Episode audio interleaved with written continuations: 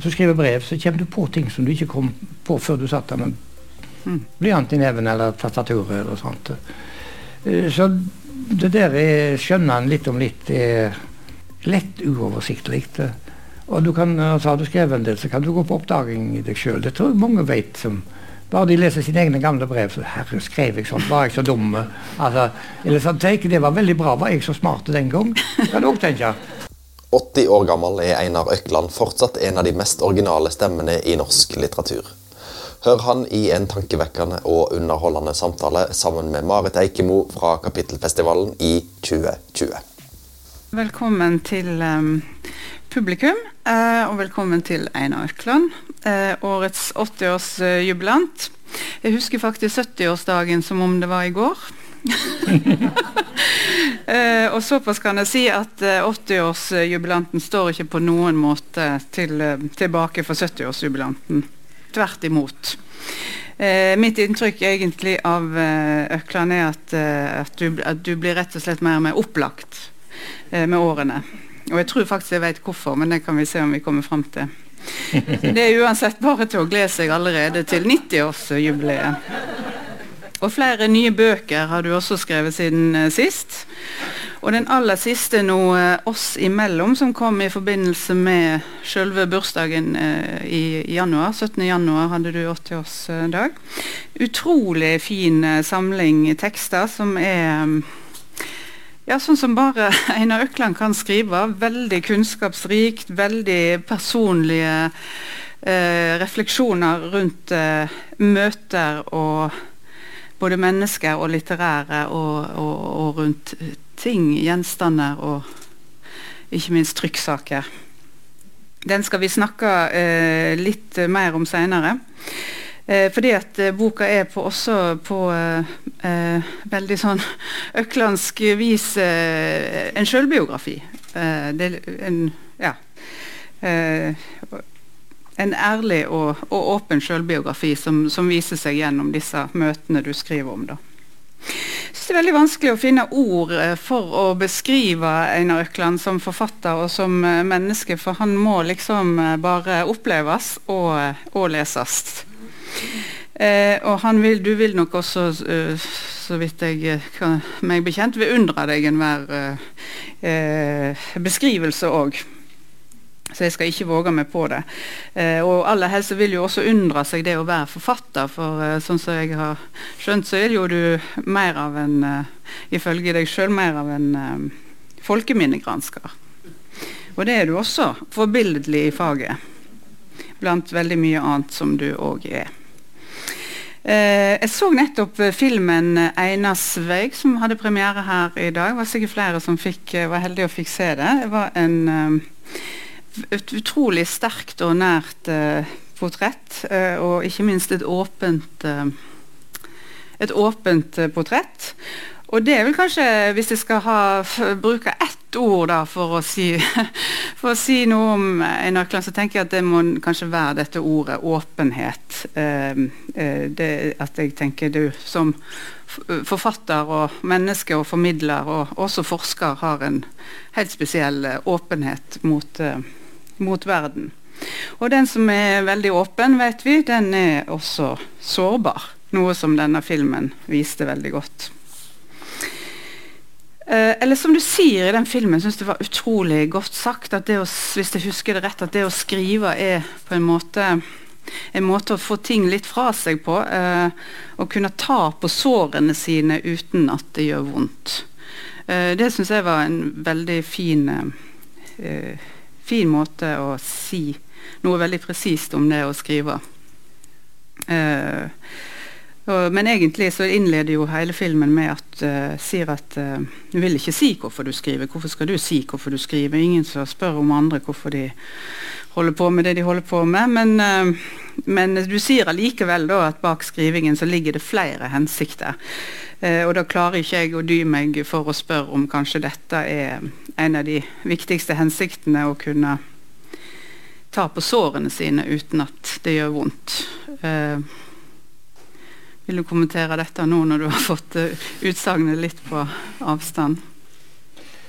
Jeg kan jo kommentere det sånn på den måten å si at uh, Det er flere grunner for at han skriver. Det gjelder jo med all sannsynlighet ikke bare jeg som nå snakker om det, men det gjelder de andre som ikke er her og snakker om det òg. For eh, det er som vi lærte tidlig når vi gikk på vi skole, at det er mange grunner samtidig til at vi gjør det vi gjør. Hvis du eter, så kan du ete for å bli mett, og du kan ete for å få krefter, og du kan ete fordi det smaker godt, ikke sant, osv. Så, videre. så det ligger mange motiv bak mm. hver handling som går i oppfylling samtidig. Og det å skrive, det skaper jo litt uh, det gir deg en visse tilfredsstillelse at du får det til, ja, hvis du vil noe, men også det at du kan bli overraska over at du skrev noe annet enn du visste i begynnelsen. Og det tredje er jo også at det er noen andre der ute som leser dette og, og syns det var noe med det, og syns det var lesverdig osv. Og, og som leser så må jeg bare si at uh, ja, jeg er glad for at mange har skrevet. De har ikke tenkt på meg, men jeg er veldig glad for at de leste dem mm. som leser. Og lesing er jo, som jeg ofte sier, det å være alene med seg sjøl. Omtrent som skriver, da er du alene med deg sjøl, og du leser, er du alene med deg sjøl. Og jeg var så stygg her inne jeg sa det til kinofolk at det var Filmen er omtrent det samme, i motsetning til teatret, der de altså slår lyset på sier nå er det pause, nå skal vi ut og mingle og drikke en drink. Men på kinoen er det mørkt, og du sitter alene, selv med andre i salen. Du er alene med filmen. Og det står skrivinga litt nærmere. så Derfor så er vi skriverne flere av oss hvis du skraper på, så liker vi filmen bedre enn teateret. Sånn. Vi mm. føler det bedre. Uh, og du kan si du finner ut noe, men du glemmer jo også deler av det trivielle sjøl. Altså, sånn.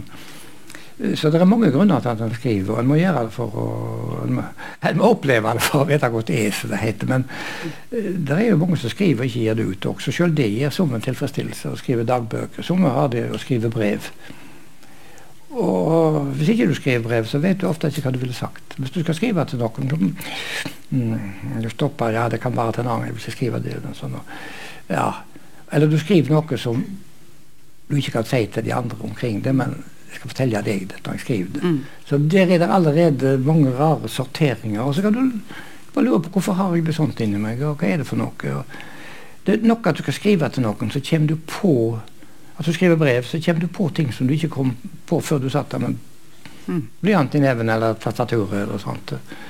Eh, så det der er, skjønner en litt om litt er lett uoversiktlig. Og du kan, altså, Har du skrevet en del, så kan du gå på oppdaging i deg sjøl. Det tror jeg mange vet. som bare de leser sine egne gamle brev, så 'Herre, skrev jeg sånn? Var jeg så dum?'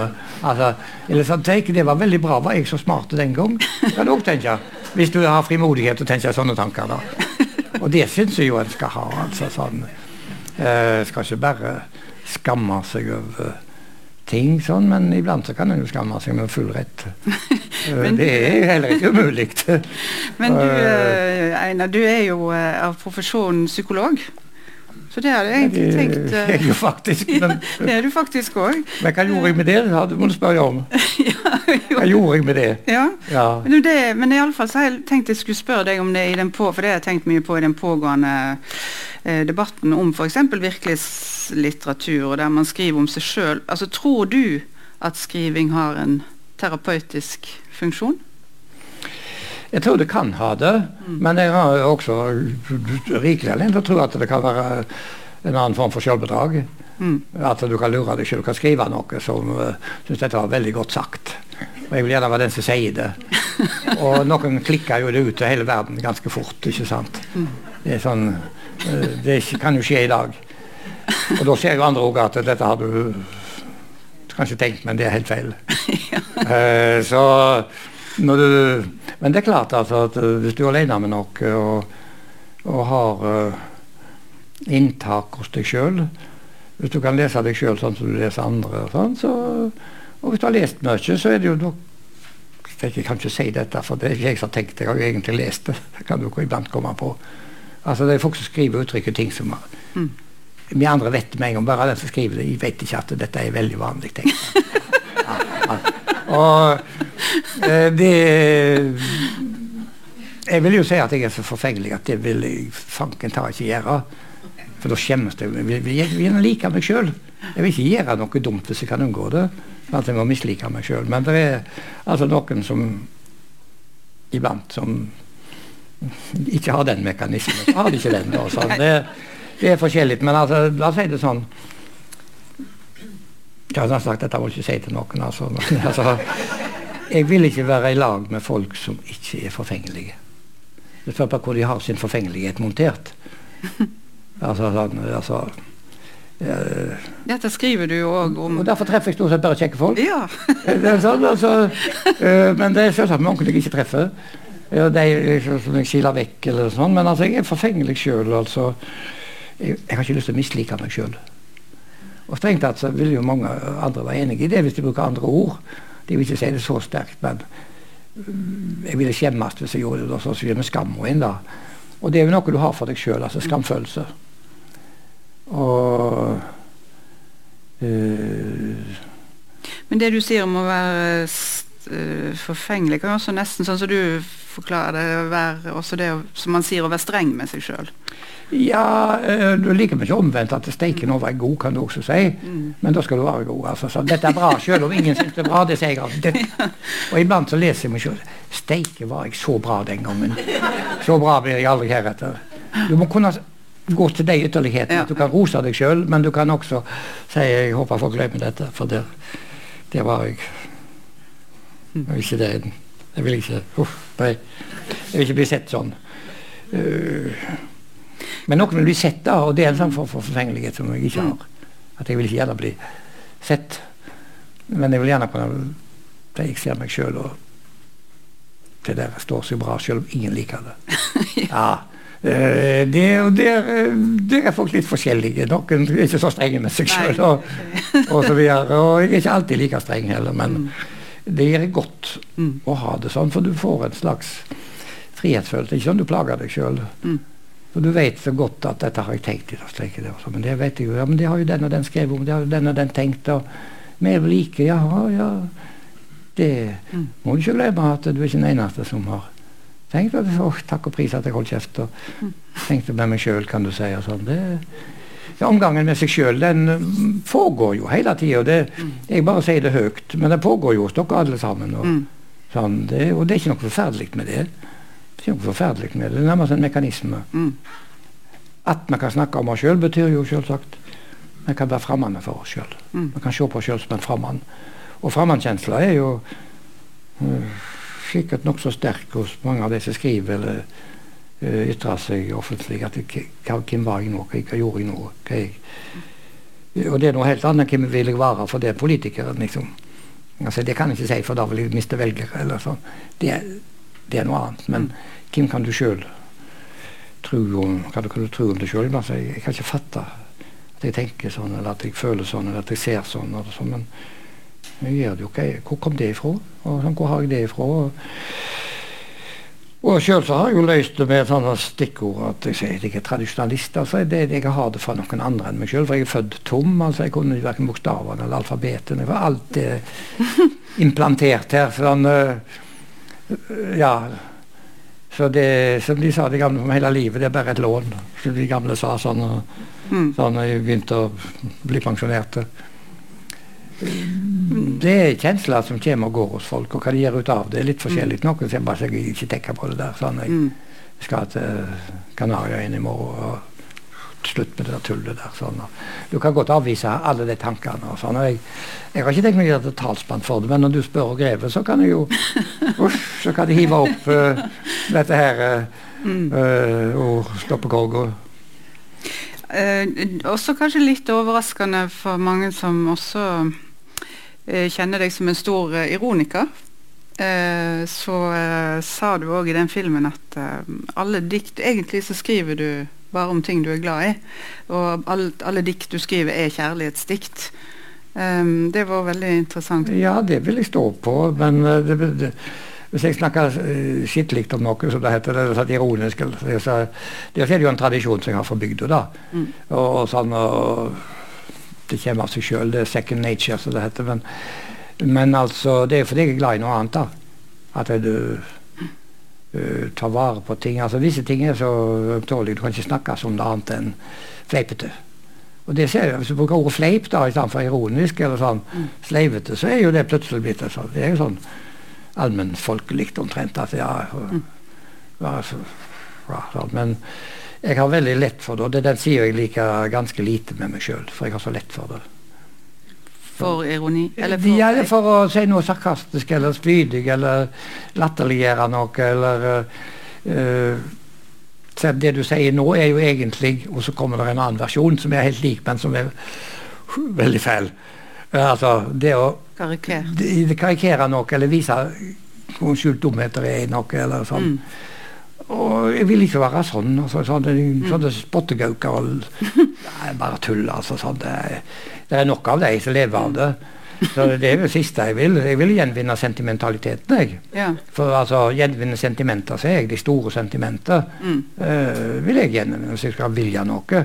Mm. Og ikke bare stå der og for det, det, kan vi jo så veldig litt. Der jeg kommer fra, så var det folkekultur. altså, Vi kunne mm. endelig gjøre slikt, men det betydde ikke at vi forkasta. Sånn, mm. Det var situasjonen som avgjorde det. Sånn, og mm. Du viste hvem du var når du Det var derfor høflighet at du sa noe fleipete, for du ville ikke touche det som var sårt, mm. uten videre. Men det å være ironiker er jo litt en uh måte å være i verden på òg. Ja, hvis det, hvis det, er en monokultur, så er det jo forferdelig. Men det er det jo også med sånne patetiske, sentimentale folk som bare dyrker et sentimentalt uttrykk, men som egentlig er døve for alle skjulte sentiment som jo er der hele tida, og nyanser og eiendomsforhold og så videre. Så, så jeg øh,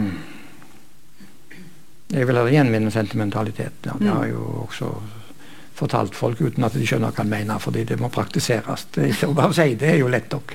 Mm. Men det er store sentimenter, altså. Mm. Store sorger, den store gleden. Mm. Og eller den tunge, fyldige Jeg skal ikke si den eneste, men når det dominerer, så, så vil ikke jeg avvise at eksistensen av det. Mm. Og For det tror jeg er usunt. Mm. Og å snyte seg sjøl for noe også. Han, det, ja. Men uh, dette kan ofte bare gjøres indirekte også. Uh, Men du, skri, du, snakker jo òg og har også skrevet en del om um, uh, far din, som du mista tidlig. Og um, det slo meg når du sa, snakket på den filmen, at det har jo også Altså Ditt vennskap til Dag Solstad har, uh, Dere er jo veldig forskjellige. Ja, jeg hadde kjent han i flere år før jeg visste at han var i samme situasjon som meg. Ja, han hadde ja. farstap. Og en annen av denne vennekretsen, da, eller disse som jo på en måte fant hverandre uten å lete etter hverandre, det var også Jan Erik Vold. Mm. Han mista jo faren litt seinere enn oss, en dag og meg. Men uh, han har mista jo ellers. Fordi at han, som han sjøl har fortalt, faren var alkoholiker. Og litt bortreist. Og da Jan Erik var 12 år eller 14 år, fortalte han meg en veldig privat gang. På fødselsdagen så ja, Godt å få noen å snakke med, sier faren. Og det, han kunne ikke snakke med kona si lenger. Mm. Altså, og så sier til ungen sin at når du går, så har han Jan Erik tok dette fornuftigvis ganske tungt, og har hatt prøvd å gjenvinne faren med å gjenutgi farens tidligere skrifter og framheve at dette var jo en veldig stor og flott far. Flottere enn jeg visste når jeg var ung, antageligvis er underteksten. Mm. Det er en annen måte å håndtere det på. Mm. Og Dag Solstad ser sine i, han fikk over skyen i flyet. Ja. Sånn, jeg kunne, min far døde da jeg var sju år, og jeg kunne bare ikke ta det. Mm. Så jeg fornekter sterkt at jeg en har mista faren. Ja, men, vil ikke gjøre snakk om folk klapper meg på hodet. Når ikke har om det. Mm. Jeg kunne ikke ta det. Og jeg hadde egentlig blackout. Sannsynligvis den kvelden jeg kom hjem og fikk vite at jeg sprang ut i ei sløvfonn og la meg. og sånt. Jeg, jeg husker ikke faren min. Mm. Så, så, så bare Minnet om faren var vekke. da, En 20-åring skulle jo huske noe. da mm. av en far. Jeg husker jo mye strevet litt tilbake, men rett og slett jeg kunne ikke ta det. Og som jeg forteller om i denne teksten som du så på filmen. og Lærerinna sier du må be for Einar, for han har mista faren sin. vet du, Hun var steikegal da ei eh, lærerinne som, som ville ha oss rett til Gud omtrent. Med, eller. Jeg må fortelle om første skoledag. Når jeg, var seks, jeg begynte på skolen da jeg var seks år. Og de fleste kunne så vidt skrive litt og lese. Da ville hun begynne med diktat. Så da, hvis alle vil skrive nå, så skriver hun skriver det jeg sier. Jeg lagde mitt øre til kildens bredd og lyttet til nøkkens sang. Liksom. Og dagen led og dagen led, og skyggene ble vel lang. For den er så fin, så da etterpå skal vi synge den.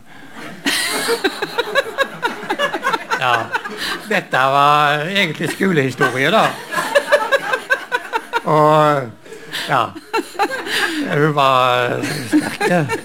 Hun delte ut uh, sånne små sparebøsser sånn, til Misjonsselskapet eller sånne små sparepenger. Det vil jeg håpe dere får en full og sånn. Ja, det skal hun greie ganske fort, sier Einar Økland. Det skal ta penger på den. Og så kommer vi da noen måneder etterpå. Nå skal vi samle de inn. Jeg hadde ikke med meg, og den var helt tom. og sånn, Nå Einar skamme seg. Jeg hadde jo glemt hele sparebøssa, så skulle gå til misjonen og alt sånt. Så kommer jeg hjem. Og sier at Barbe vil ikke gå på skolen neste dag. Nekta å gå på skolen. Da hadde far min bil. 'Jeg skal kjøre deg, jeg.' Sett der du jeg skal inn og snakke med der Og han var steike galen på han. Han hadde ikke visst noen ting om dette.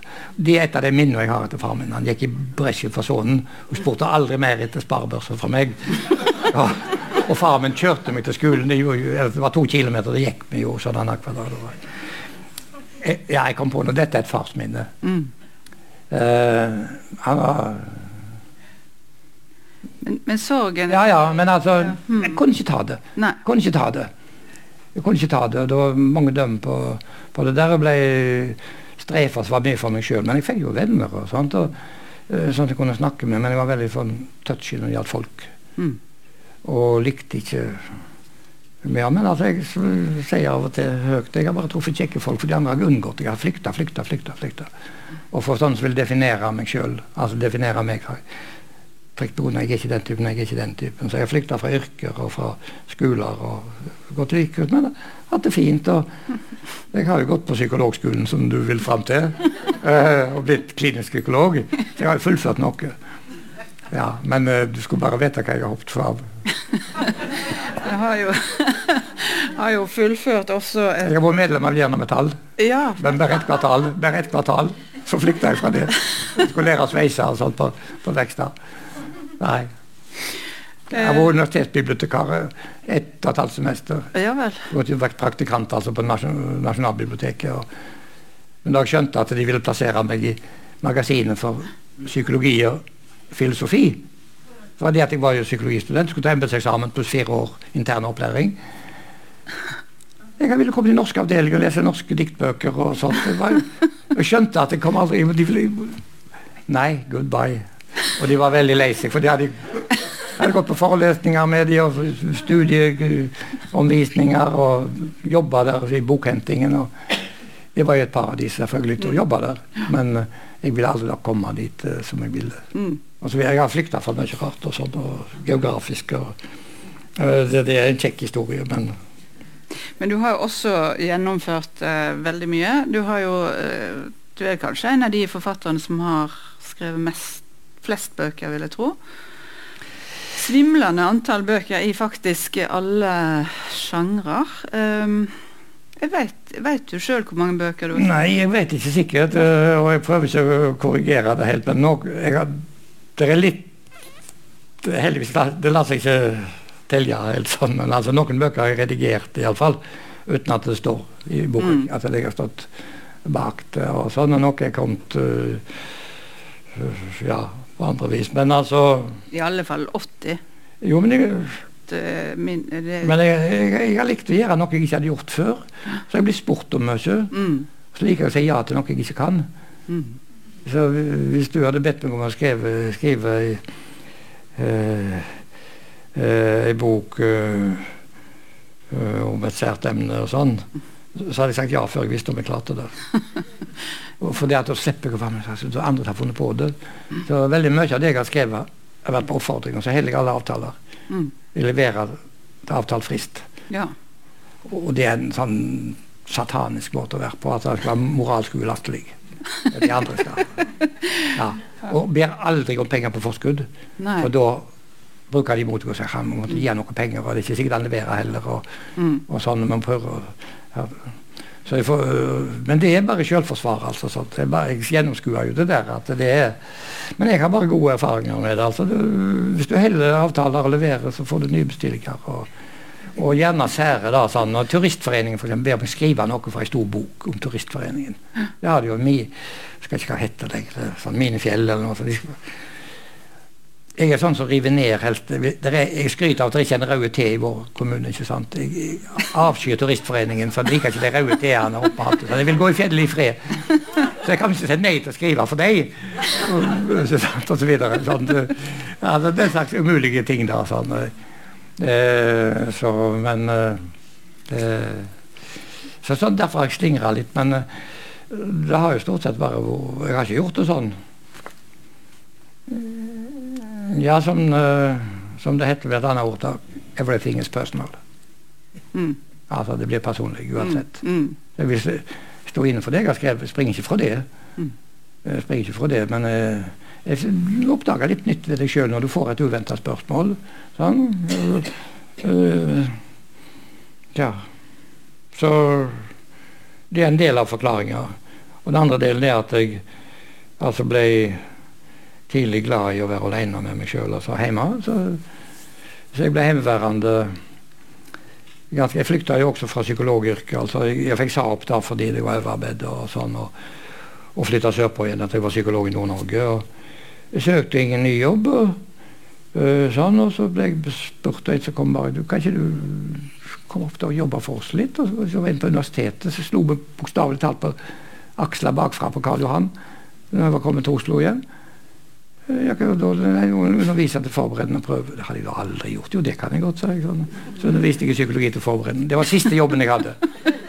For da kom det plutselig et barn til verden. Vi har vært gift i fire år, så fikk vi vårt første barn. Og mye rare historier omkring det, da, fordi det kom ikke noen sko, og så kom det uten problem etterpå. Sånn, ja. Doktoren hadde tatt feil en måned. Så kona mi tok permisjon en måned før tida, og da var det mindre tid. Hun hadde bare en måned igjen av den tre måneders permisjonen når barnet kom. Og da måtte hun på jobb. Og vi trengte jo penger. Og sånn, og jeg var hjemme og passet barnet. hun kom hjem i store friminutt og amma og sykla tilbake. Det ble to, to friminutt. Så ble jeg værende der, og så skrev vi litt, og så gjorde det på seg. og det var Men Du var rett og slett husmor, du? i mange- ja, men det var ikke sånn ideologisk sånn. sånn det var, Jeg syntes jeg hadde det godt. Mm. Likte å være der i fred og sånn, og ingenting imot dette. Det var Mm. Men eh, damene likte det jo ikke. Det har jeg ofte eh, nevnt for damer. At de syntes han, Men det hadde burettslag, og vet, damene var jo hjemme. Og jeg pleier alltid å snakke om disse stod med ei hånd på barnevogna og ei på sneipen. Utenfor to-tre dager røykte. Og jeg mente de kunne jo tatt et mellomfag omtrent. eh, Eller i hvert fall et grunnfag. Jeg, var, jeg skrev jo bøker og gjorde ting mens jeg også passet unger. Og så videre. Og, men altså, de likte ikke det. Og på spedbarnskontrollen var det enda verre da. For det var jo bare damene som kom med sin nyfødte unge. Mm. Og så hadde de kanskje to-tre med seg, som de måtte passe på. Og så sitter de med en hånd der, og så er det en mann. Det var eneste mann på kontoret da. Så jeg fikk jo da et eh, kan du si, lattermildt forhold til eh, den det kvinnestadiet, for å si det sånt. Og doktoren likte meg minst av alle, for han var vant med å ha damer som klienter. Så han likte ikke det kom en mann med en liten unge. Og det merket man seg, som det heter. Men altså hun som var hans nærmeste helsesøster, eller noe sånt Hun var i 60 år. Hun likte det godt, og vi ble perlevenner. Ja. Altså Hun vaksinerte meg også. Faktisk, hun, og, og, det er ofte at foreldre de er jo ikke vaksinerte, sånn, så hvis du vil, så tar jeg dik, dik, dik, Så tok hun meg også, og det kosta ingenting. Og øh, det skal jo si at så- Sånne damer har jeg jo møtt igjen. For når vi, jeg, møtte jeg må fortelle deg om øh, Du fikk jo ikke være med når ungene skulle bli fødte. Apropos dette med å være hjemmeværende forfatter. Men så fikk vi jo altså vårt første barn, og da betalte vi tillegg på en privat klinikk, for da kunne faren komme. for det var sånn som godtok faren. De tok også mot offentlige, men de fikk en litt lavere status, og det kosta oss 800 kroner mer. Men da kunne faren være med. Og sykesøstera der, fru Eriksen, som hun heter, hun var jo så glad det kom en mann. Da kunne hun stikke ut på kontoret. og sånn, og vi ble også veldig gode venner. Det gjorde ingen verdens ting. altså sånn, Og jaggu var hun der neste gang vi fikk en unge til. Uh, men uh, det eneste forskjellen uh, var at kona mi hun fortalte meg det, iallfall det hun husker, var at hun fikk vitaminpiller gratis. De som var på kommunen, som lå der også sånn ellers på dagen. De fikk ikke fullt så mye vitaminer. Sånn. Men, men det kunne komme og gå. Eller sånn, og, og, det var bare kjekt. Men i Oslo var det sånn den gang. Det kunne hende, hvis du var heldig, så kom du på en institusjon, men det var sånn loddtrekning eller sånn. Hvis det var fullt der, så kjørte de dit, og de ville ikke se et mannfolk oppi sånn og sånn. Og For nå ta et høydepunkt, nå er jeg oppe i damverden, men altså Dette kom jo til slutt for øra til øya av disse som lagde programmer i NRK, som var for Kvinnherad. Jeg husker ikke navnet hennes, men hun har skrevet bøker. og så To damer. Hun, hun og Jan som hadde noen kvinner og sånt i dag. Hun ville få en mann i studio. Og Jeg kunne ikke tenke meg å være i studio og NRK og snakke om disse drittingene. Så jeg husker jeg gikk og sa jeg kan vel det, det blir så flott. å kjenne så jeg, men man kan godt gå her. Og sånn. Og så plutselig så ser jeg to 200-lapper på i studentene som lå på bakken. Men du kan få denne hos meg, så jeg tar denne sjøl. Så fikk vi 200 kroner av meg.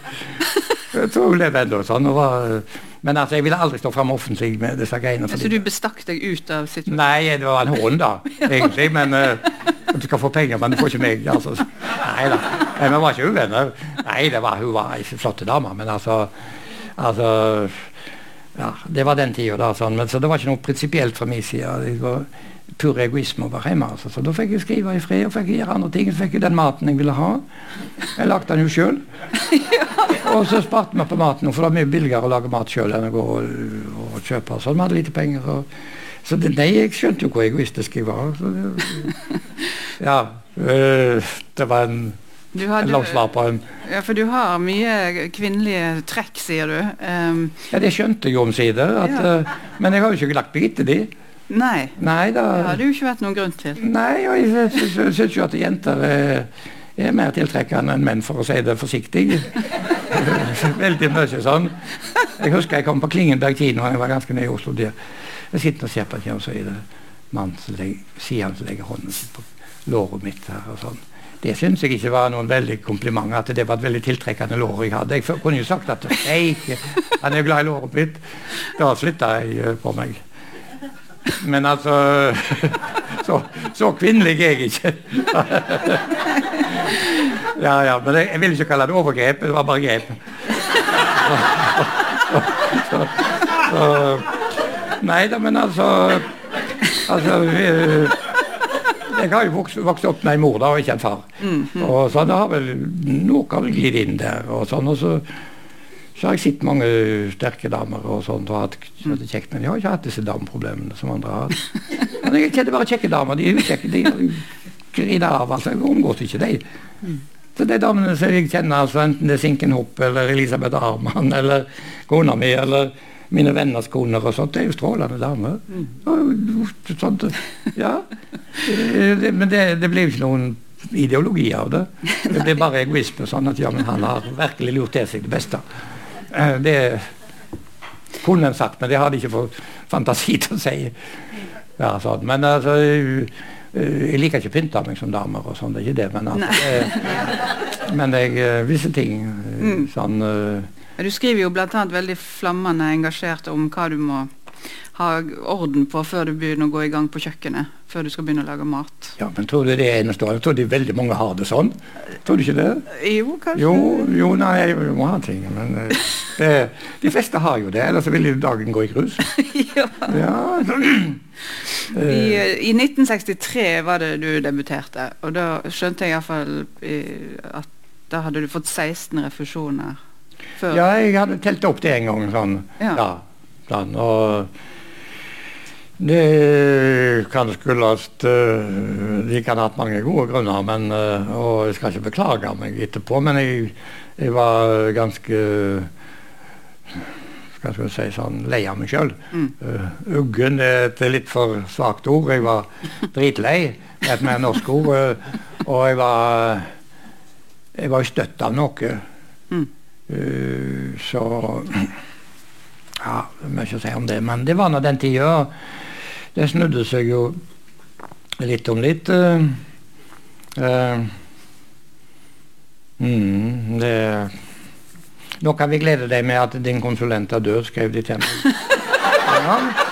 Og jeg visste jo ikke da at han var død sånn. Det, men uh, han var død, så nå har fått en annen konsulent. og, og, og ja, det, det, tok jeg litt anstøt av. Sånn. Men jeg, kom, jeg ble debutert på Cappelen forlag, og dette var før innkjøpsordninga. Og, og, boka var trykt i 500 eksemplar. Jeg fikk 10 royalty, enn hadde skulle hatt 15 men det var fordi den var på nynorsk, har jeg tenkt etterpå. Og jeg vet at for eksempel, Visse trykkerier fortalte men de, de la på 12,5 hvis det var nynorsk på trykkeriregningen. Sånn, ja, for det er jo islandsk, sa de på Grøndal trykkeri. Grøndal trykkeri var et veldig fint. da, Der trykte jo egne sine ting, for det, han ble jo stor. for Grøndal var et veldig fint trykkeri. Uh, men iallfall fikk 10 uh, og ja, 1963. Og, mm. Da fikk jeg utbetalt 500 kroner, og det brukte jeg når jeg reiste på bryllupsreise til, til Hellas. Mm. Og det holdt jo ikke hele veien, for å si det sånn, men uh, det var det noe. Men uh, dette blir da kulturhistorie av ja. Men i 1969 så kom uh, boka Det var 1969, i amatøralbum. Som er en av mine favorittbøker, som også er en uh, sjø, sterk selvbiografisk uh, roman. Din første roman. Eh, og du sier jo òg dette med ordet amatør. Vi er alle amatører, sier du. Kan du utdype litt? Ja, det tror jeg alle forstår. at hver hver dag i livet er ny, ikke sant? og du eh, har ikke opplevd det neste dag. Du, du, du må finne deg til rette. og sånn, Du trodde du kjente deg sjøl. Vi, vi, har mange sånne glimt, og det vet jo hjerneforskerne mye om nå. ikke sant? Hvordan hjernen så å si pulserer, slapper av og mm. reorganiserer inntrykkene så å si, med en puls som ikke vi vet så mye om. Men også rent sånn trivielt, altså, så vet vi ikke alltid hva vær det blir i morgen. og Vet ikke hvor mye vi fryser og det varme, kommer, vi skal stille varmeovnen på. Vi må finne, finne det ut og skru litt opp. ikke sant? Ja, det er jo Vi stoler ikke på andre, men vi gjør så godt vi kan vi selv. Vi har ikke noen å spørre om alt. og mm. fikser det sånn. vi eh, ja, det gjelder både samvær med andre mennesker, samvær med vår, vår sjøl og yrket vårt. og uh, Om du spiser fort eller seint i dag. Jeg har, uh, ja. Det du må finne ut av noe så å si, for første gang. Mm. Og dette her har jo selvsagt disse fromme folk har funnet ut alltid, at det er jo Tida er jo Hun står ikke stilt. Men hun husker nå likevel punktvis eller etappevis eller i beter og sånn. Og, ja, sånn, og, og, noe nytt er det jo støtt. og uh, Det er mange grunner til å si det, og de fleste kan fylle det med sitt eget uh, amatørskap. så jeg uh, En finner jo ut etter hvert at det som du er ditt og spesielt, det er det flere andre som har det også. Men amatøralbum er jo amatørens album her, da, sånn, og det er jo en klisjé. Det, Der klistrer du inn minner og sånn som du har mm. tatt vare på sjøl. Så det er veldig, veldig personlig, men veldig sånn inkoherent, også tilfeldig. Og det som jeg har gjort i den boka, det er jo det at jeg ikke bare har sett inn bilder, men også kommentarer og iblant sitat. Og selve boka er jo sammensatt av ulike typer tekst. Der er sitat, der er dikt, og der er mini-essays, eller resonnerende passasjer. Mini-essaystikk. Og så er det fotos.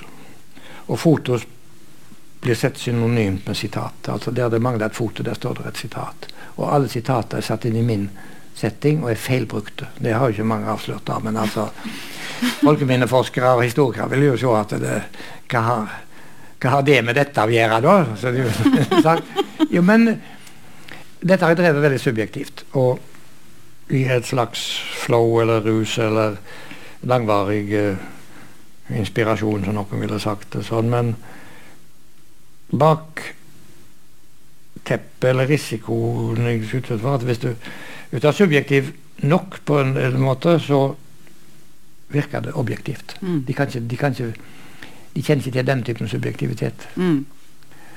Og det kan leses på litt fritt, friere grunnlag. Og jeg har også ikke kalt dette for personroman, men for landskapsroman. Det handler da om omgivelsene. Og det er min hovedobservasjon at jeg er sammensett av eh, erindringer, synsinntrykk, hendinger og, og tradisjon. Jeg kaller meg jo heller tradisjonalist. og Noen vil si at Erna han var med modernistene. Det har jeg jo alltid fått høre. Og da har jeg et veldig sånn, skammelig uttrykk. Altså. Økland er postmodernist. Var det ei tid? Nei. Økland er premodernist. Jeg har ennå ikke nådd moderniteten igjen. Jeg er forsinka. Selvfølgelig er jeg jo den Så fort det er sagt, så er vi jo alle det. altså. Vi er forsinka. Det har jo vært en modernitet hele tida. Og vi er kommet inn i historier i verden og sånn. Det er selvsagt, men det er bare noen ingen som bruker premodernist. Så det er bare jeg som bruker. Så der har jeg coined the term, så det heter sikkert i det andre. Men det, jeg bruker det jo ikke oftere enn muntlig sånn her og der. eller sånn. Og, ja, det, det betyr ikke så mye for meg. Men jeg har skjønt det at eh, det har levd folk før meg. Og det er andre der ute som Ja. Ikke så veldig langt ute heller. I denne, nei, for I denne boka så skriver du jo om en del um, eh, folk, forfattere eh, og andre kunstnere som, er, som har betydd mye for, for deg i ditt eh, liv, og sikkert som forfatter. Um, blant annet um, uh, ja, Olav H. Hauge, Pål Helge Haugen og Georg Johannessen. Uh, ja, Obstefelde. Sissel Solbjørg Bjugn og Jorunn Weiteberg skriver du om. Ja, jo, Eh, dame. Ja, du skriver utrolig eh, fint om disse folkene. Um, Ja, for jeg ville ikke gjort det ellers. Nei, nei. Jeg ville ikke gjort det ellers. Men jeg har gjort det på oppfordring òg. Ikke sant? Jeg har liksom en liste at de skal sammen skrive om det skal skrive jeg skal skrive. Nei. Nei. Nei. Men hvis noen uh, slipper meg til på et hvert, så, så kan det komme noe. Og så skriver jeg litt for å se hva jeg skriver òg. Jeg visste ikke dette helt på forhånd. Det som står der, jeg har ikke artikulert det. Nei, det er det. Jeg får liksom følelsen av at jeg er takknemlig for å bli spurt. Derfor, Ja. Takk som spør. heter At du går inn i At du utforsker både folk og tema og eh, med en eh, Ja, med en åpenhet. Og der du eh, Etter hvert så blir disse tekstene veldig selvbiografiske. Ja, fordi min takknemlighet skinner Ja. gjennom at jeg er litt takknemlig for å bli spurt, og for å kjenne de og kunne snakke om de. Og du kjenner deg sjøl også igjen. Eh, Ja, jeg har ikke noe annet å tøtle med, så jeg må bruke meg sjøl. En av de store spørsmålene i denne boka er jo hva som er en venn. Altså hva er et vennskap? Uh, og um, ja, Ja, for eksempel skriver du jo Vi snakket litt om vennskapet med, med Dag Solstad, men også et annet vennskap som det eh, står veldig fint om her. Det er jo ditt forhold til um, Georg Johannessen, som de fleste av oss eh, var livredd eh, når vi husker han eh, gikk ja, ja. rundt i, i Bergen, eh, så, så, så skriver jo du han som en utrolig følsom og snill og sensib, altså en, et veldig sånn vart sinn, da. Eh, som er ja, veldig, veldig fin eh, tekst. Jeg har sett ei side ved han, og andre som har sett det, har ikke akkurat skrevet om det, så jeg syntes at nå, tar jeg, nå gjør jeg det. Mm. Eh, men jeg har ikke stått og planlagt at nå skal jeg sannelig slå til. Men når de først ble spurt om det, Mm. så gav jeg det jeg hadde, kan du si. Mm. Sånn, eh, og jeg skjønte nok at noe av dette har ikke folk hørt fra før. Mm. Sånn, eh, det, men jeg måtte spørre. igjen. Jeg springer ikke etter folk. eh, Ja, og du sånn, fikk ikke, kanskje ikke sagt det til han heller? Eller? Nei, det, det er jo sprøk sprø. Nei, det skulle tatt seg ut. det, ja, det, det, bare sånn, det trenger du ikke si, for det vet jeg jo. Det, jeg har sikkert sagt at du er jo veldig glad i barn. All, jeg sa yes. Det vet jeg. Ja. Ja, ja. Fortell meg noe jeg ikke vet. Sånn. sånn. ja, øh, så Nei, jeg vil ikke si det til, men vi kom godt ut av det med hverandre, for å, å si det sånn. I mange rare situasjoner. og Det skulle en jo ikke tro, da. Og det var skyldes ikke mine tilskyndelser. Det, altså, jeg trengte meg ikke på Georg Johannessen, det skal du ikke gjøre. Uh, altså, uh, Jeg møtte jo dere to faktisk sammen en gang til et intervju. Jeg vet ikke om du husker det? Jo, uh, jeg har tenkt å spørre deg om det en gang. fordi at det, Jeg vet ikke om det noen gang ble trygt. Jo da. Men jeg har en skreven versjon som jeg har sikkert fått fra deg. Og jeg aner ikke hvem du jobber for. Det er Arbeideravisa i Bergen? eller Arbeider... Bergens Tidende var det. Var det for BT? Ja, for ja, det står ikke det. Ungdomsmagasin eh, Ja, det her tar jeg vare på som en dyrgrip, som det heter på god nynorsk. Som altså er en kostbarhet. Men jeg har ofte trodd at dette finnes bare i mitt manus. Det er et veldig godt intervju. Du skal ha så mange gode takker og poenger, men jeg visste ikke at andre enn jo, jeg har lest det. Nei, nettopp. Nei da, det var jo absolutt uh, Hva årstall var dette, tror du? Uh, men uh, det som Når kan det ha Nei, vært? Jeg tror faktisk det var 80 jubileum for 25-årsjubileum for Norsk Forfattersentrum.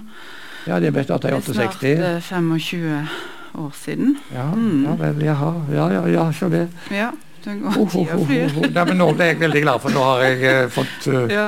fått Men da var det iallfall et veldig fint minne fra Georg Johannessen. Da var han i perlehumør eh, den dagen vi var hjemme hos han, og da hadde han dekket han på med et nydelig kinesisk uh, servise. Ja, ja. Vi fikk eh, kjeks og te, og Ja, ja. han hadde blå og rød Altså bokhyller som bare var blå bøker i, og noen som bare var røde.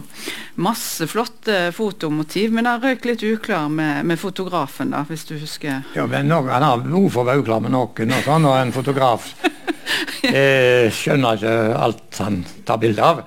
Så eh, eh, ja, Georg var jo Det kan jo si at i dag, da. Altså, Iallfall mellom, ja, mellom Georg og noen av hans bekjente og meg, da, så uh, Så brukte vi jo et eh, et stygt uttrykk om eh, visse borgerlige individer. Og det uttrykket var 'udannet'.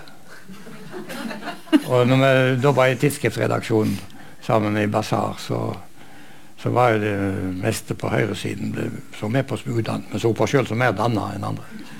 Eh, Og likte iblant å sånn si kose oss med den tanken. da, at eh, og du kunne ikke si noe verre vet du, enn til det at de var udannet.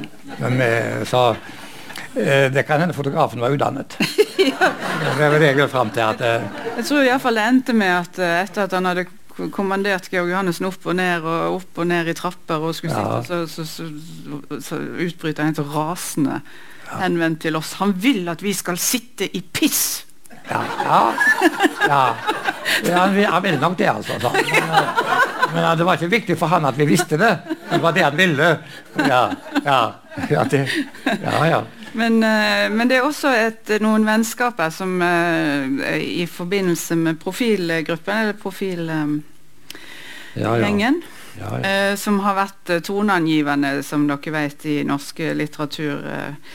Eh, historie, men eh, i, i forbindelse med denne eh, radikaliseringen av eh, profilen i, i, eh, utover 60-tallet, så, så forlot du den redaksjonen i eh, 1968, kom det fram der i, i dag. ja da, Det det, det er jo, jo. Ja. Ja, det Ja, det var Men da var det vel også vennskap som gikk tapt uh, i den eh, Delvis, ja. Men det skjedde nå først senere, når vi fikk uh, demokratisk eh, sosialisme. Det vil si at det var den hemmelige sentralkomiteen som bestemte. Da skal alle være enige osv. Så, videre. så det var først på begynnelsen av 70-tallet. mm. Eh, og det var mye fælt og dumt å si om, om det, men altså eh, Men jeg jeg får sitere Georg Johannessen igjen, da. Sånn at, eh, han var jo gammel radikal på sett og vis. Han var med i orienteringskretsen og sånn. Og, og litt sånn i SF og sånn. Og satt i bystyret for Oslo SF og, og sånn. Og så kom jo disse her sufferne og disse her eh, da, så, og fikk med seg danna et parti til slutt og sånn. og og den- Georgs så å si kortversjon av dette de ble, de ble gale alle sammen. De, Ja. de ble gale alle sammen. Unntatt Dag Solstad, for han var gal fra før. Og det var det, var vi noen av oss veldig glad for å høre. Det, og jeg tror til og med Dag uh, ville nikke til det. Men eh, dette sto, sto ikke på trykk noen plass. Men uh, vi merker oss at eh, han gjorde unntak. Og det betydde at Georg hadde en viss tidlig dag var jeg tross alt Dag. Men Eh, En annen gang, altså det er kanskje ikke så mange som vet at du og Dag Solstad har skrevet et skuespill sammen som heter 'Georg sitter du godt'. ja, Georg kolon sitter du. det er en replikk da. Ja, ja. Georg kolon, han, han sier det sitter godt. Han sier det til en, til en meget mørkhudet mann da, som de kalte neger før, sånn i stykket. Og For det er, det er noen som vil fortelle negeren hvordan skal bli en god nordmann. Og, han- og han kan bare si blupp, blapp. Og, og, skal, og For å bli en god nordmann så må du kunne da en god norsk fedrelandssang. De prøver å liksom lære noen gode norske setninger. Blapp, blupp, Så. Og så, så dette ble jo da mye snakk om. Men i alle fall, dette gjorde vi jo dels for å tjene penger. altså, Vi var bedt om å lage et stykke, men vi sto fritt. Og ingen snakk om stykket skulle være. Ja, ble dere rike på dette? Eh, Vi ble rike på den måten, og det ble jo oppført på, på Bikuben og gikk ganske bra. Og vi fikk jo da standardhonorar. Å tjene penger den gang på skriving, det var veldig vanskelig. Det, det, det rikeste du kunne bli, ble på teater. For det var overbetalt. Og så ble vi bedt om å lage et stykke. Ja, ho, ho. det gjorde vi jo, da fikk vi jo penger. Så det ble brukt, og etterpå så gikk det litt blablabla sånn. Og så kom Riksteatret og satte opp helt på nytt, og så fikk vi nye penger. Med ny mm, besetning og sånn. Og så Grenlandteatret der i Porsgrunn var nettopp nytt. De setter det opp også der. og Dag skrev en scene og hadde det gøy. og sånn. Han sto fast og skrev han bare sånn i parentes. Og her skriver Einar en sang. Og så gjorde jeg jo innimellom det, da. sånn. Og, og siden dette han, Oppgaven var å skrive om Ola Nordmanns liv fra fødsel til død. Og du vet Vi var jo trassige, da. så det, sty, Stykket åpna med at Georg hovedpersonen da, Det er to fortellere. Georg er gift med ei som heter Aud, så det het alle på den tid. Det var sykepleier var alle på den tid. Han er en typisk nordmann. Han er 40 år eller noe, skal blåse ut 40 lys. Og, sånn, så dør han allerede ved sceneopptak. Så. så vi gikk fra bakover i tid, fra død til fødsel med, siden vi skulle Det var jo si, det var naiv trass, men vi hadde det moro, så til slutt blir han født. Det er en ny født. Helt til slutt blir, blir Georg født. Og så er det scener fra Georgs liv da. Og så er det to fortellere som da forklarer så kommenterer det. Nå skal dere liksom legge merke til hva Georg gjør her nå. Altså. Og så snakker de altså sånn metasnakk. Og jeg fikk inn at de skulle sykle, så de sykler litt omkring på scenen. Fortellerne sykler litt, og peker de på Aud og Georg da. Men altså, av og til vil Georg være et godt menneske og lære ta seg av og mørkhude den nye nordmannen. Og dette mislykkes jo veldig. Og det gjør det jo fremdeles, for å si det sånn. Men, men, eh, men en av de som ikke hadde forstått det, var jo sjøl mørkhuda og skrev i avisen om at det var rasehat og hets og sånt. Og da kom det jo folk og så på dette. Det var jo ikke det, da. Sånn, men det ble et lite TV-innslag. Ja, det ble faktisk eh, en, en slags nypremiere også i, på Litteratursymposiet i Odda. Når jeg var festival... Ja, det, ja. Da- Men da var lydanlegget så dårlig. Det var bare de opptredende som Ja, ja, men det. var veldig komisk, for da var, las du og Dag Solstad hver deres replikker fra stykket. Og så etterpå så hadde vi en debatt om humor i litteraturen. Og da var det noe feil med lydanlegget, sånn at de, disse, de hørte ikke hverandre. Det, så, så, så de bare satt og snakket helt alvorlig. Ingen forsto Eh, Det ble mer morsomt enn Ja, noen det var veldig, veldig morsomt. Ja, jeg, jeg husker det, det var kaldt i lokalet også. ja, det var Dag Solstad ble helt garantert eh, Men bakgrunnen var at vi hadde da en kjempesuksess en gang på en eller annen feiring der vi skulle spille da, noen scener fra Georg. Og det gjorde Dag og jeg med stor innlevelse og fryd. Og Dag Solstad skjente seg sol over seg sjøl, altså, sånn, for da kan du gjennomføre dette. For han er ikke så god til å lese opp alt i dag, men du følger jo med desto mer. Og klarer den setningen? Og, og sånn at eh, det er ikke noe fælt med det. Dag, eh, dag eh, det, det, går bra for Dag uansett. Men det, der, der inne var lydanlegget litt på tverket. Jeg husker det når du sier det. Jo, nei, det men du, nå snakker ja, vi oss forbi det som var Ja, det er der det er godt å være utafor.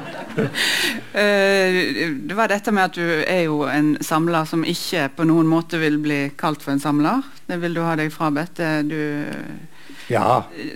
Men mange ting har du uh, jo, jo, skaffa deg opp igjennom. Men det er jo, som, eh, som du også sjøl sier, det er jo med en stor kjærlighet for uh, eh kulturuttrykk som samtida gjerne ikke bryr seg om. Eh, så det er jo et viktig eh, eh, kulturminnearbeid du har gjort gjennom hele livet. Eh, ja, Bl.a. Eh, en stor samling av bøker av såkalte mislykka forfattere. Forfattere som gir ut bøker på egne forlag. Det er sånn som eh, eh Einar Økland har veldig stor ømhet for å samle. Og det er sånn som skal lete lenge etter, som det heter da, på, på bygdemål.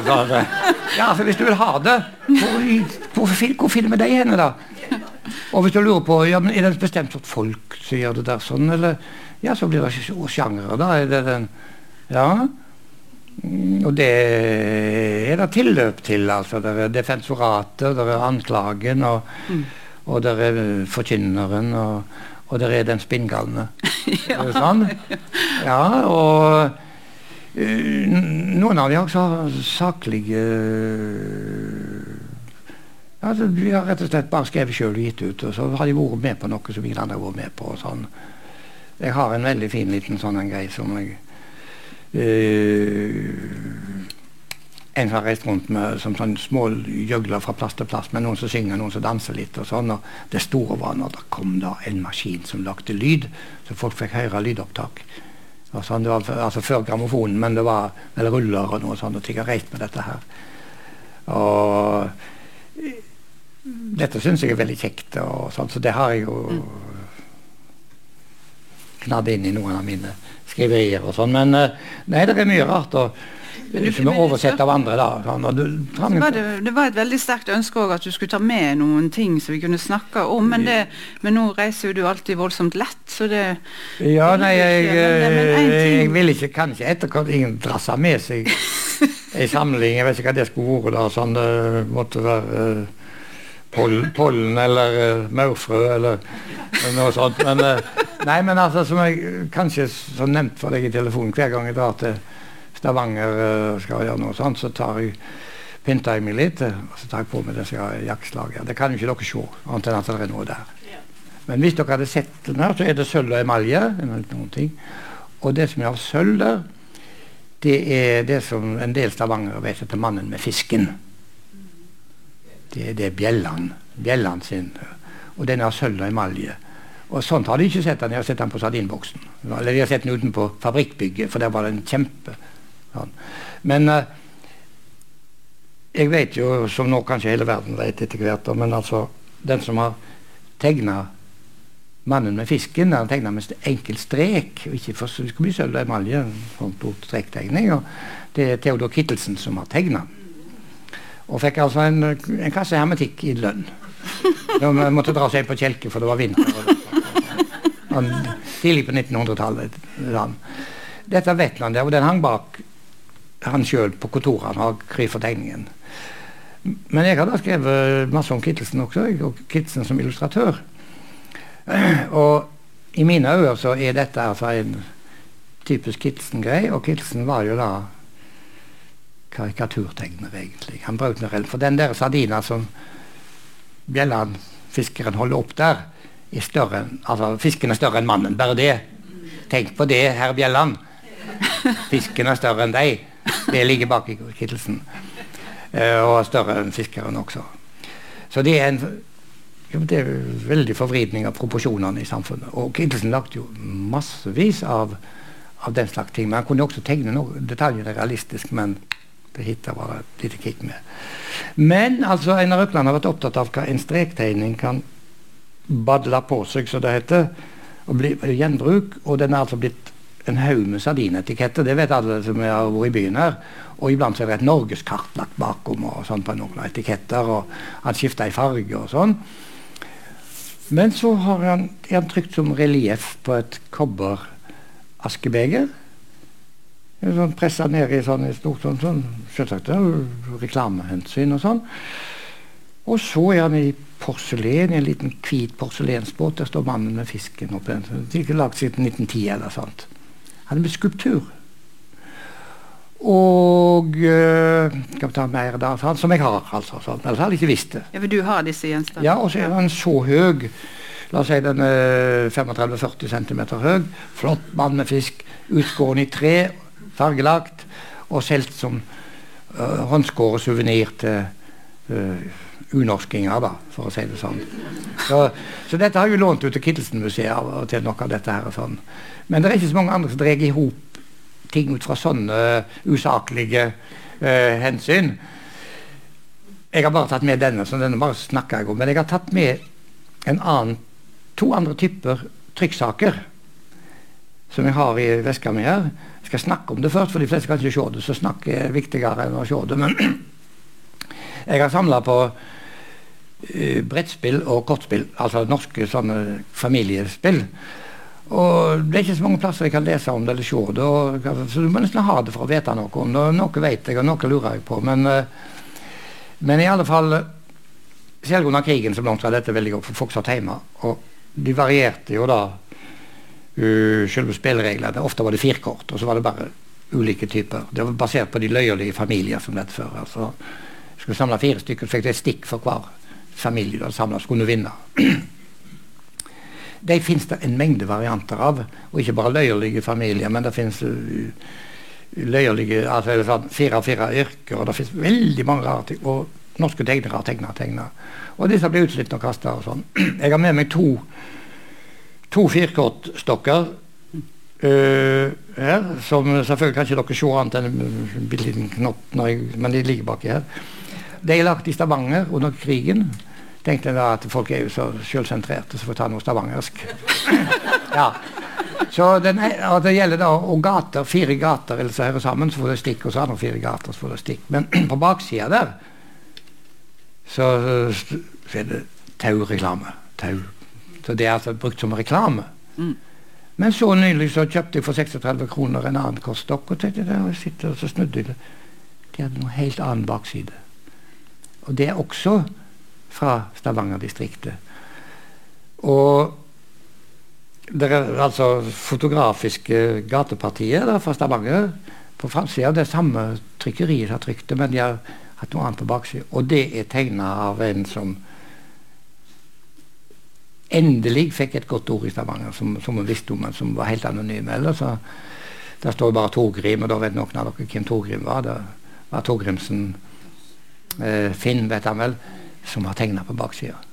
Mm. Og det har jeg tatt, og de er helt utflyttende. Og, altså, folk har spilt og spilt og spilt, og spilt med fra, fra krigen. og for å være sjofel, så Hvorfor har ingen fortalt meg dette før? Nei, men jeg må ikke visst det. Altså, det er ikke som tar vare på ting og forteller ting. Og jeg har jo lurt på altså, de norskproduserte kortspillere og brettspillere, ikke minst. Deres historie. Og du må nesten ha det for å se det. Og det jeg ser etter, er tegnere, men også motivkretser. For det er masse reisespill. Uh, der du skal reise og kunstige penger. Jeg, jeg husker jeg var i Oslo og skulle snakke om Egner, så tenkte jeg om den tidlige Egner. hvor Det kom masse folk og hørte på. Og da hadde jeg noter med og sånn som han hadde illustrert før han ble den Egner som vi kjenner. Og sånn. Og så hadde jeg også med en kortstokk eh, som han hadde tegna, der du skulle få deler av et menneske. Og til slutt hadde du fått hele figuren og fått et stikk på fire. Fire forskjellige, litt føtter på en og litt mer. Og vi, vi, vi tegner om kapp eller skadett og sånn. Uh, og så hadde han lagt et reisespill på samme forlaget. Og det er et forlag som ikke har så veldig god klang. Det har jeg skjønt etterpå. sånn at uh, etterpå noen sa Slektningene var der, de var rasende på deg. De sa ingenting til meg da. Men det var fordi dette forlaget her da ikke var akkurat på den helt rette sida tidlig under krigen. da. Men han var jo en ung mann som trengte å tjene penger. og sånn. Men da hadde han lagt en ny vri på dette med pengespill, for ellers skal du bli rik ikke sant, på, på uh, dette store amerikanske uh, monopolspillet og sånn. Nei, da får du utbetalt penger i begynnelsen, og så triller du tegningen, og så må du betale den for det. sånn, og så skal du si, Hvem kan reise lengst for den summen, så det er liksom en sånn fattigmannsgreie. da. Den som har reist flest kilometer, vinner spillet for, for den samme startsummen. Fiffig. Ingenting greit, ingenting nedsettende sagt om dette. Men uh, hvorfor har ingen fortalt meg dette før? Det andre Jeg skal øyeblikk ta opp det dere og legge litt her, og sånn, og så kanskje det kan ligge her når det øyeblikk en pause. Men i alle fall, under krigen Jeg har skrevet en bok om, med masse bilder i om en kampanje som pågikk under krigen, som skulle da lære et stort tysk publikum, særlig, hvor uh, germansk Norge var, og Norge som landskap. Og Det vet jo mange litt om, da, fordi at de dyrka jo mm. det nordiske og sånn. Og jeg kunne sagt veldig mye om det, men for å si det fort, jeg har med meg to trykksaker fra Stavanger-regionen.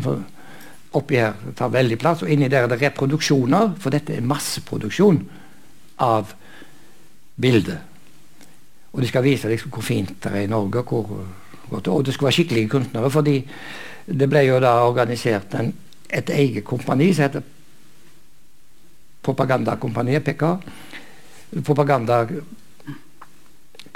Propagandakunstnere, de var det var altså Jeg vet ikke hvor mange hundre. Det var, det var I Norge det var det 200-300 minst av de.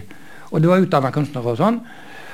Og sett i lys av en utarta kunst, så lurer på hvordan gjorde de De var kledd i uniform, de måtte ha gevær, men de skulle tegne og vise ting. Og dokumentere det, det som skjedde, og så vise Norge og sånn.